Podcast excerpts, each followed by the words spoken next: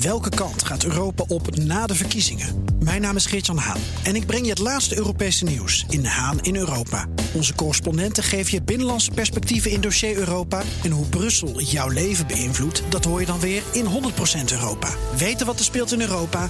Luister naar de programma's van BNR. BNR Werkverkenners wordt mede mogelijk gemaakt door BrainNet. BrainNet voor zorgeloos en professioneel personeel inhuren. BNR Nieuwsradio. Werkverkenners.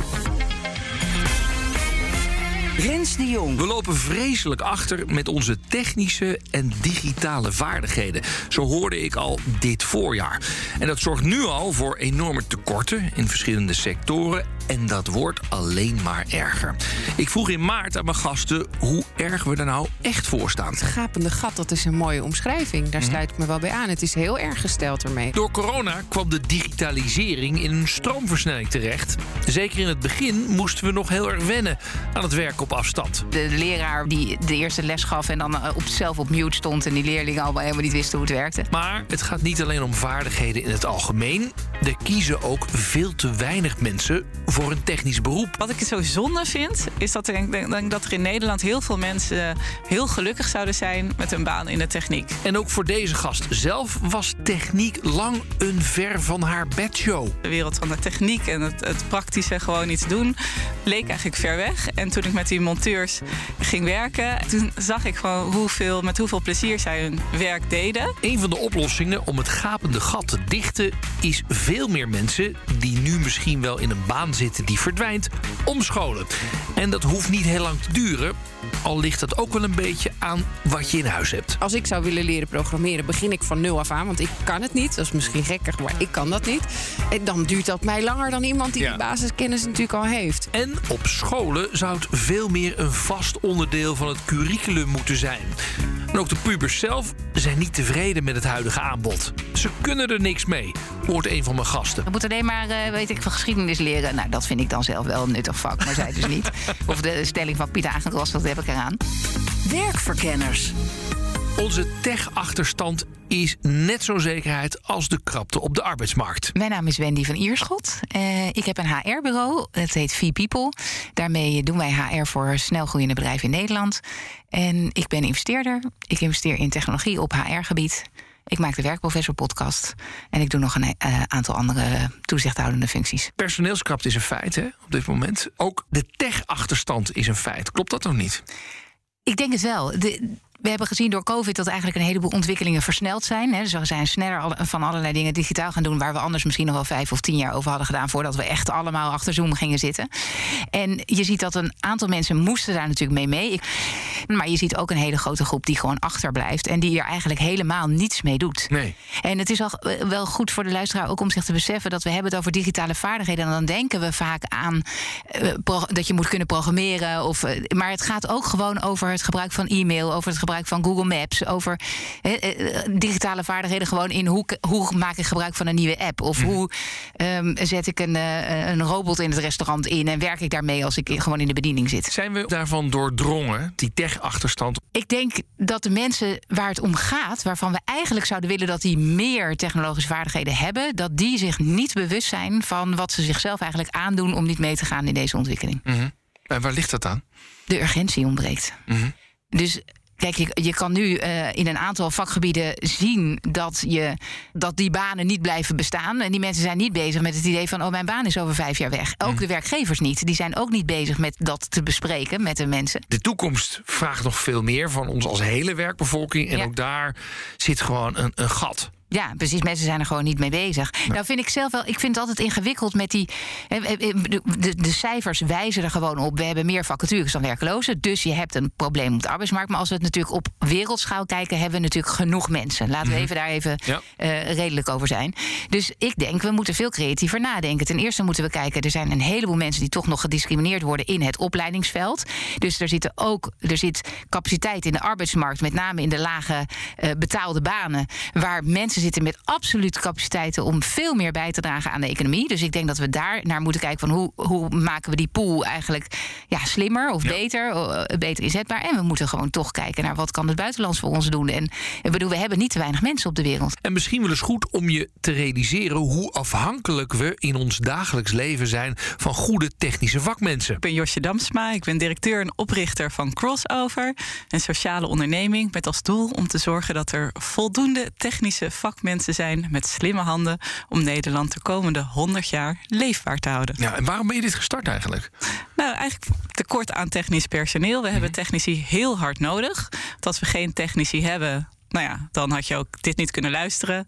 Was, Nee, er, was, zeker. Er, was er geen elektriciteit, geen water, geen huizen die gebouwd worden, geen internet. Dus, eh, dus we hebben ze hard nodig. Bij mij thuis is de verwarming kapot. En ik belde iemand die zei: Nou, over drie, vier weken kunnen we wel langskomen. Want we missen enorm veel mensen die gewoon een cv-ketel kunnen repareren. Precies, en dan heb je inderdaad al de mensen inderdaad die de cv-ketels kunnen repareren, zijn er niet. Laat staan dus de mensen die er voor de toekomst nodig zijn om te zorgen dat er een warmtepomp komt, dat de zonnepanelen geïnstalleerd worden. Dus ja, die mensen zijn er allemaal te weinig. En daarom ben ik mijn bedrijf begonnen, ook om te zorgen dus dat dat beter gaat gebeuren. Dat de mensen die er werken, de mensen die in de techniek werken, dat die er blijven werken. Ja. Dat is natuurlijk ook belangrijk, want je hebt er ook niks aan als je allemaal mensen de techniek inkrijgt en ze aan de achterdeur er weer allemaal uitlopen. Maar ook om te zorgen inderdaad dat er meer mensen naar die techniek toe gaan. Hey, hoe groot is het tekort op dit moment van technische vakmensen? Ja, dat is groot. Als je nu kijkt naar al de vacatures die nu openstaan, zijn dat al rond de 40.000 vacatures in Nederland. Dus dat is al fors. Dat zijn dan de vacatures waarbij je inderdaad kan zorgen dat gewoon het blijft draaien zoals het nu draait. Dus dan heb je al die 40.000. Maar als je dan nog kijkt naar de ambities die er zijn, de klimaatdoelen die gehaald moeten worden, de huizen die gebouwd moeten worden, er moeten nu 100.000 woningen gebouwd worden, dan kun je daar nog zeker ruim 20.000 mensen bovenop tellen. Dus je zit inderdaad met een tekort van 60.000 technische vakmensen. Ja. En komt daar dan ook nog de, de eh, energietransitie nog bij op, of niet? Ja, precies. Nou ja, de- die zitten al een beetje inderdaad in die, zeg maar, die extra 20.000.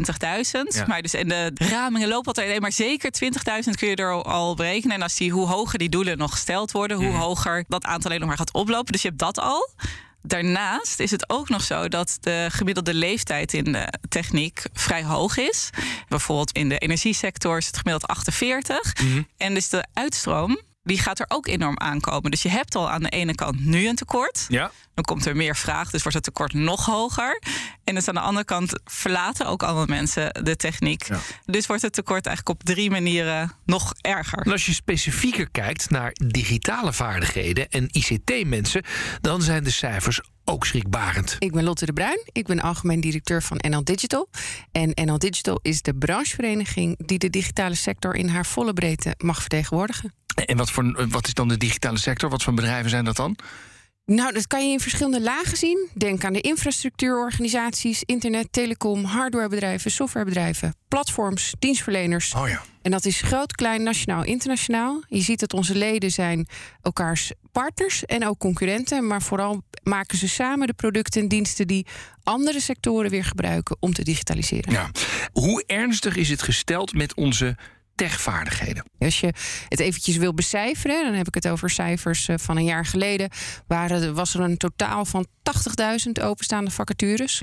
Terwijl er 17.000 instromers waren vanaf het onderwijs. Dus we zouden eigenlijk keer vier moeten als we aan de huidige vacatures willen voldoen. En wat voor vacatures zijn dat dan? Ja, dat zijn wel echt ICT-beroepen gaat dat om. Hè? Dat gaat van applicatiemanagement tot aan data-analyst... tot aan systeembeheerder, dus wel echte ICT-beroepen. Als je de rest er ook nog eens een keer bij neemt... Hè? dus juist die beroepen die een digitale vaardigheid vragen... als combinatieberoep, dat, dan is het natuurlijk nog veel meer. Maar dat is dus al een vraag die eigenlijk vier keer groter is dan het aanbod. En je neemt in gedachten dat door digitalisering of door COVID eigenlijk die digitalisering zoveel sneller is gegaan dat steeds meer bedrijven die digitale transformatie dat dat is gaan versnellen. Ja, dan is ook dat toekomstplaatje is natuurlijk gewoon vrij dramatisch dat Ja. beeld. En wat gebeurt er dan als we dus die vacatures niet kunnen invullen? Ja, er gebeuren verschillende dingen. Bedrijven kunnen niet zo hard groeien als dat ze zouden willen. Dus het le- belemmert je in je, in je ontwikkeling. Maar het gaat hier niet alleen maar om bedrijven. Het gaat ook over de overheid. Het gaat ook over de zorg. 70% van deze beroepen die liggen buiten de digitale sector zelf. Dus dan heb je het ook over cybersecurity. Je wil natuurlijk dat er in Nederland genoeg mensen zijn met de juiste vaardigheden. Dat als dat ons overkomt, en dat hacken dat gebeurt gewoon, hè. Mhm. Maar dat gaat natuurlijk op steeds grotere schaal gebeuren. Dat we de juiste mensen daarvoor hebben. Ook als het gaat om de zorg of de digitale eh, eh, zeg maar middelen die je inzet voor de energietransitie. Ja. Dus dat is, dat is een, een, een groot probleem, denk ik, wat ons allemaal raakt. En is het nou zo dat we, want op dit moment hebben we sowieso een krappe arbeidsmarkt, hè? Ja. Ehm, is het nou dat, dat, dat jullie extra geraakt worden? Ja, wij staan echt bovenaan de lijstjes. En normaal vind je dat leuk, bovenaan de lijstjes Ja. staan. Maar in dit geval, als je kijkt naar de UWV-spanningsmonitor, heet dat geloof ik. Die meet de krapte op de arbeidsmarkt, staan wij echt eh, piepend rood eh, bovenaan. Bovenaan. En Ja. waarom zijn die mensen er niet? Nou, ik denk als je bij de basis begint, dan is dat omdat het niet op scholen wordt onderwezen. Of althans, niet op alle scholen. Wij, wij pleiten al heel lang voor vanaf primair onderwijs digitale vaardigheden meenemen. Eh, neem digitale geletterdheid mee in het curriculum. Straks de vraag wat je nou moet doen om de achterstanden en tekorten weg te werken. Een maatschappelijke dienstplicht in de techniek wordt geopperd. Het is niet zo alleen maar vanuit een maatschappelijk oogpunt van er moeten meer mensen in techniek, maar ook weten hoe leuk dat is. Rens de Jong. Dat we achterlopen met onze vaardigheden en dat er krapte is, ja, daarvan lijken we nu echt wel doordrongen te zijn. Maar het tij keren, dat wil, ondanks vele pogingen, maar niet lukken. En we proberen het al decennia lang, realiseerde Lotte de Bruin zich van branchevereniging NL Digital. Weet je wat heel erg is? Nou, Nou ja, wat heel leuk is, is dat wij dit jaar 100 jaar bestaan, onze vereniging. Dat vind ik fantastisch. Maar de eerste stukken over digitalisering in het onderwijs die wij hebben gevonden, was ergens in de jaren 80. Mhm. Nou kan je dus zeggen dat wij echt waardeloos zijn in die boodschap overbrengen. Ja. Want we zitten inmiddels in 22 Ja. en het is ons nog steeds niet gelukt. Of het duidt aan hoe ingewikkeld het is om dat over de bühne te brengen. En ik denk ook dat dat te maken heeft met een soort luxe probleem. Het doet niet echt heel erg veel pijn. nee. We weten nog altijd mensen naar, eh, van het buitenland hier naartoe te halen. Of we lossen het wel weer slim op door iets te automatiseren. En de- er staat nog, nog niks in de fik. Nee, maar er is denk ik ook wel hoe wij daarnaar kijken. Ja, Kijk naar een land als eh, Estland of Letland of eh, sowieso de Bulgarije. Bulgarije. Die hebben er allemaal, die eh, op een of andere manier waarderen die denk ik het vak beter Ja. dan wij. Heeft veel meer aanzien. Ja. Hier heeft het nog steeds een imago-probleem. Meisjes worden nog steeds ontmoedigd om hiervoor te kiezen. Wat ik niet begrijp, maar dat gebeurt door zowel hun ouders als de school. Mhm. Wat Ehm, gebeurt er in die landen dan? Nou, dat, daar heeft het veel meer economisch en maatschappelijk aanzien. Eh, Je kunt daar iets mee bereiken. Zeker de combinatiestudies van business en IT, eh, die staan super hoog aangeschreven. En ik denk dat dat ook komt omdat daar dat luxe probleem niet was. Hè. Daar was een serieuze uitdaging op de arbeidsmarkt. En hierop kon je je onderscheiden. Maar je hoeft niet naar dat soort landen alleen te gaan. Als je naar Amerika gaat, Hè, dat zien we dus heel veel gebeuren. Mooie Nederlandse bedrijven die hier van start-up naar scale-up gaan, die extra investeringen of kapitaal nodig hebben, hier tegen een grens aanlopen. En dan gaan ze naar Silicon Valley. Daar zijn A, eh, eh, ze veel makkelijker in het geven van een paar miljoen voor als investering. En de mensen zijn er. Volgens Josje Damsma van Crossover voor technische vakmensen zijn er meerdere redenen waarom het zo moeilijk is om goede mensen te vinden. Algemeen in Nederland is er nu heel erg een waardering voor al het theoretische. En iedereen wordt alleen maar aangemoedigd om zo'n nou ja, hoog mogelijk, ik zou niet zeggen hoog mogelijk, maar theoretisch mogelijke opleiding te doen. En de praktische talenten, praktische intelligentie worden veel minder gewaardeerd en ook minder gestimuleerd. Dus je ziet dat er op het MBO is dat ook zo. Bijvoorbeeld als je kijkt naar de MBO-opleiding elektrotechniek, dan zie je dat ook 90% van de MBO'ers naar het HBO doorgaan. Dat is hartstikke zonde. Want je wilt eigenlijk zorgen dat juist die MBO'ers, die gewoon eh, heel veel vaardigheden hebben, heel veel talent hebben, aan de slag gaan met hun Praktisch aan de slag handen. gaan. En er zijn natuurlijk ook allerlei programma's geweest de afgelopen jaren. Kiestechniek en et cetera. Helpt dat dan niet? Nou, te weinig. Er zitten heel veel verschillende kanten aan die je kunt oplossen. Maar als je kijkt bijvoorbeeld al in, eh, op de basisschool, dan zie je dat, dat er vaak natuurlijk mensen voor de klas staan die weinig ervaring hebben met de techniek, daar weinig affiniteit mee hebben. Dus je hebt dan al dat kinderen weinig in aanraking komen met de techniek. Dan wordt inderdaad daarna gestimuleerd dat ze zo vooral HAVO of VWO gaan doen.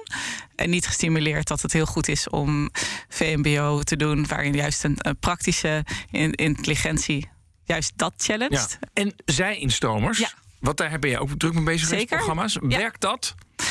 Nou, nog echt heel erg onvoldoende. Want als je nu ziet, we hebben ook gekeken naar wat levert het nou eigenlijk op. Hè? En dan zie je dat het eigenlijk het is tientjeswerk. Tientallen mensen bedoel je? Exact, zeg maar dat bijvoorbeeld leidde vorig jaar gemeten naar uiteindelijk waren dan vijf mensen die een baan ha- hadden gekregen in de bouw. Misschien zouden werkgevers meer moeten doen. Al ziet HR-ondernemer Wendy van Ierschot ook wel dat ze veel meer op hun bordje hebben. 95% van de ondernemers heeft een bedrijf met minder dan 10 medewerkers en minder dan een miljoen omzet. Ja. Dan zit je ook in een hoek waar mensen daar misschien nog niet zo mee bezig zijn. Er zijn wel heel veel ontwikkelingen ook om mensen te herscholen. Hè. Dus eh, André Haart is toevallig een nieuw bedrijf begonnen. Het heet Chapter. De, eh, André is eh, de oprichter van Scoola. Dat is een bedrijf dat veel mensen kennen. En Chapter gaat heel erg om die omscholing. En ik denk wel, daar kan veel meer op ingezet worden. En ik vind ook dat ondernemers daarmee bezig zijn. Maar stel, ik heb eh, een chauffeursbedrijf. Dan weet ik, ja, we gaan automatisch rijden. Ik ben daar helemaal van overtuigd. En zeker in die vrachtwagenindustrie. Want dan heb je geen pauzes. Die vrachtwagens kunnen gewoon doorrijden. Geen gezeik eh, met mensen die ziek worden of, eh, of, of moe of een ongeluk maken. Zijn die werkgevers bezig met de chauffeurs bewust maken van... hé, hey, dit, dit, deze baan houdt misschien over vijf of tien jaar op. En ik verwacht dus als dat ophoudt, houdt het ook in een jaar op. Hè? Dus als het er eenmaal is, is het heel snel voorbij. Die moeten eigenlijk wel bezig zijn met... hé, hey, hoe kan ik me omscholen? Wat kan ik anders doen? Ja. Dat gebeurt niet. Nou zijn er al jaren campagnes, hè? Ja. Kiestechniek en eh zij-instroom Ja. hier en bla, bla, bla. Werkt dat dan Meisjes. allemaal niet? Ja, nee, het werkt dus niet. Want het- er zijn niet genoeg mensen die daaraan beginnen. En, en kijk, daar, daar zijn er denk ik een heleboel oorzaken van. Je zou kunnen zeggen. Deels komt het omdat die campagnes helemaal niet aanspreken. Ja, als ik een meisje ben en die is op de toekomst. En meisjes kiezen ook techniek. En dan ondertussen zit je in een eh, natuurkunde lokaal. en vind je er gewoon geen zak aan. Eh, maar dat komt ook een beetje. Als ik nu kijk naar het onderwijs. Mijn kinderen zitten toevallig op de middelbare school. Ja, heel veel in het onderwijs is niet heel aantrekkelijk. Dat je dan denkt van, oh, dit is echt super cool om te leren... of hier kan ik wat mee. Mijn dochter die zit nu echt in de puberleeftijd. Die roept alleen maar van, eh, ik leer hier niks wat ik echt nodig heb in het leven. Oh ja? Ja. En wat, wat heeft ze dan echt nodig? in het Nou, zij zegt dan dingen van. eh, eh, bedoel, ik leer niks over verzekeringen. Of over hoe ik een huis moet kopen. Of over hoe ik goed voor mezelf ga zorgen. En de, goed, dat is natuurlijk ook puber. Maar ik denk wel, hè, digitale vaardigheden krijgen ze gewoon niet. Oké, tot zover wat er allemaal niet lukt. Tijd voor de oplossingen. Josje Damsma pleit voor een maatschappelijke dienstplicht in de techniek. Ik geloof dat het een baan is waar je met heel veel plezier... s ochtends naartoe kan gaan en aan het eind van de dag... met een heel blij gevoel weer naar huis gaat. Dat je een bijdrage hebt geleverd, je hebt allemaal talenten in kunnen zetten. Ja. Dus daar geloof ik in. Alleen denk ik dat heel veel mensen dat niet weten. Of ze denken inderdaad van het is heel vies en zwaar en gevaarlijk. Nou, dat is ook allemaal niet meer. Ook juist door alle technologische vernieuwingen is dat helemaal... Is dat gewoon niet waar? En dus zeg jij, er moet een Ja. soort maatschappelijke dienstplicht. Ja, om mensen kennis te laten maken met de techniek. Meteen Oh, ook ja. iets nuttigs te, te laten doen. En Gaan wat, we een jaartje zonnepanelen installeren. exact, want zonnepanelen installeren is nou typisch iets wat je vrij snel kan leren. Dus dat kun je wel in een, eh, een week of vier kan je wel zorgen dat je die zonnepanelen kan installeren. Dus het is niet zo dat je daar eerst een half jaar training voor moet hebben en dan een maand iets nuttigs gaat doen. Eh, maar dat kun je vrij snel doen. En ik denk dat dat, wat mij betreft, zou je dus ook wel mogen kiezen hoor. Maar dus dat je kan zeggen, nou je doet gewoon een maatschappelijke dienstplicht in een sector waarin we afgelopen jaren gezien hebben, een coronatijd, dat die vitaal zijn. Ja. De vitale beroepen, dus in techniek, onderwijs of zorg. Nou, je mag kiezen. Oh ja, geweldig ja. En dan, eh, en dan doe je het. En dan denk ik dat je dan ook de rest van je leven daar profijt van hebt. Want dan heb je en je hebt eh, denk ik ook meer respect en waardering voor mensen die het heel nut gaan doen. Want dat heb je zelf ook gedaan. En ik denk dat je misschien ontdek jezelf wel. Nou, ik, eh, ik, ik blijf hier gewoon. Ja. Ik ga door in de techniek. en denk je dat die sectoren daarop zitten te wachten? Ja, omdat er dus al zo'n. Er is zo'n tekort. Dat zijn juist ook echt allemaal de tekortsectoren. En ik denk ook dat het een manier is waarop ze heel goed moeten nadenken. Even van hey, wat zijn nou soort instapbanen, beroepen die je, zo, die je inderdaad niet kan, niet vier jaar eerst naar school hoeft, maar die je snel kan doen. Nou, dat is bijvoorbeeld inderdaad eh zonnepanelen, monteur, ook in. ehm, Internet, telecom, daar heb je ook banen die je Ja. redelijk snel kan, kan doen. En dan oefenen ze ook meteen. Ik denk dat het voor die werkgevers ook goed is. Dan heb je dus zo'n groep mensen die je heel in een korte tijd opleidt en zorgt dat ze aan het werk gaan in de techniek. Nou, al die kennis die je daar op doet, die kan je ook meteen nou, voor de mensen die op hun 25ste, 30ste, 40ste, 50ste, 60ste, mij betreft. Een zij-instromer. Wat Die geen zijn precies, die kunnen daar ook meteen in mee. Ja, dus ja, ik denk ook, het, het, het zorgt ook, want dat denk ik ook, van we moeten af van het tientjeswerk, we moeten naar grotere aantallen. Ja. We moeten gewoon naar duizenden mensen die we tegelijkertijd omscholen. En dit is een van de manieren om dat te doen. Lotte de Bruyne hoorde je eerder al in deze uitzending pleiten voor digitale vaardigheden vanaf het primaire onderwijs. Ik had, zo leg ik haar voor, het idee dat er al best wel wat op dat vlak gebeurt. Er zijn inderdaad scholen die dat al doen, maar het is niet verplicht. Dus we zien dat slechts eh 46% van de scholen hebben bijvoorbeeld informatica als eindexamenvak. Eh, laat staan welke scholen vanaf primair onderwijs dan die digitale geletterdheid meenemen. Maar dat valt uiteen in vier elementen. Dan heb je het over de basisvaardigheden van ICT. Inderdaad, een Chromebook of, of gewoon normale software-applicaties leren daarmee om te gaan. Je hebt mediawijsheid. Dus dat is kinderen ook leren hoe algoritmes werken. Hoe herken je fake news? Als je iets post op Insta, het gaat nooit meer weg. Maar je hebt ook informatiekunde. Dus hoe herken je een deepfake? Of hoe ga je van al die informatie die je krijgt destilleren wat wel en wat niet klopt? En dan heb je nog het computational thinking element. En dat is hoe gebruik je eh, digitale technologie als middel om je doel te bereiken. Ja. En, en dat wordt nu niet gegeven, zeg je? Dat wordt nu niet verplicht op iedere eh, school gegeven. Dus wat je ziet is dat een aantal scholen het wel doen. Vaak dus de wat rijkere scholen. Ja, ja. En daarmee creëer je ook nog eens een keer heel erg kansenongelijkheid. Want dit zijn de studenten of de kinderen die de arbeidsmarkt opkomen met het juiste gereedschap. Ja. En de rest staat dan al eh, 2-0 achter, want die heeft dat niet. Dus daarom is het belangrijk om die basis aan te pakken. Dat hoeft geen apart vak te zijn. Je kan ook heel goed data-analyse loslaten op aardrijkskunde. Dat lijkt me te gek. Dan kan Mhm. Ja. je zien wat er allemaal Geweldig. gebeurt. Ja. Of in je wiskundeles en wat ook. De pakketten zijn er ook, maar het is gewoon een enorme hoeveelheid werk voor docenten. Dat snap ik. Hè. Je moet je de PABO aanpassen, de leraaropleidingen, het lesmateriaal. Dus niemand heeft gezegd dat het makkelijk is. Maar ik denk wel dat je de weg vrij moet maken om het zo snel mogelijk door te voeren. En je wil dat verplichten, zodat ook iedere, iedere school ermee aan de gang gaat en Ja. moet. En dus Ja. ook daar gelden voor vrijmaakt. Ja. Nou, even een persoonlijk voorbeeld dan. Als ik Wendy van Ierschot vertel dat ik mezelf met behulp van YouTube-filmpjes heb geleerd hoe je het internet kunt afschrapen, reageert ze enthousiast. Het is leuk, Rens, want eigenlijk zeg jij nu precies wat dus digitale vaardigheden zijn. Dat is namelijk dat jij dus bedenkt: hé, hey, ik kan dat misschien opzoeken op YouTube. Ja. En dan ga ik een filmpje kijken en op basis van dat filmpje kan ik dat leren. En dat is gewoon een heel groot deel van Nederland.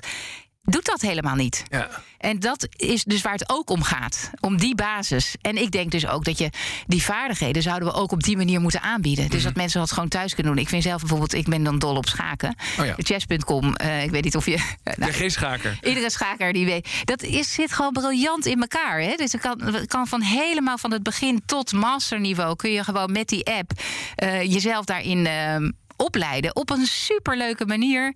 Eh, ja, ik denk, ja. Als dit echt een groot probleem is, wat het dus is, dan moeten dat soort initiatieven opstaan. Wat kunnen we nog meer doen? Je moet breder kijken. Dus we moeten kijken naar wie nemen we aan. Hè? Dus we hebben te krappe definities van iemand is hier, kan hier alleen maar werken met deze vooropleiding en met die studie en met deze vaardigheden. Dat moet verbreed worden. We moeten kijken naar hoe zorgen we dat we mensen binnen het bedrijf ook echt ontwikkelen.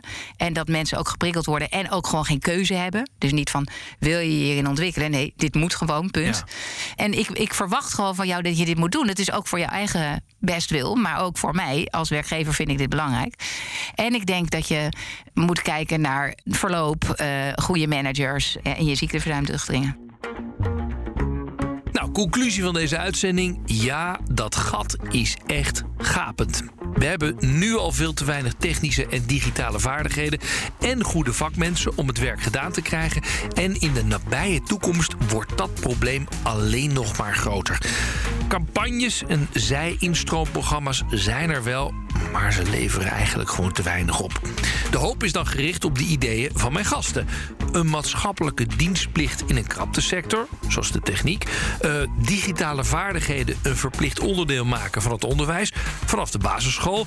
Ja, al zijn beide ideeën niet vandaag op morgen ingevoerd. Voel je je geroepen om nu de sprong naar de tech of de techniek te wagen? Weet dan dat er ook nu al allerlei programma's beschikbaar zijn. Ze zijn niet altijd even makkelijk te vinden, maar soms kun je met een paar weken al ergens mee aan de slag. En dit was weer een zomertopper van BNR Werkverkenners. Volgende week dan krijg je er weer een op dinsdag om half vier.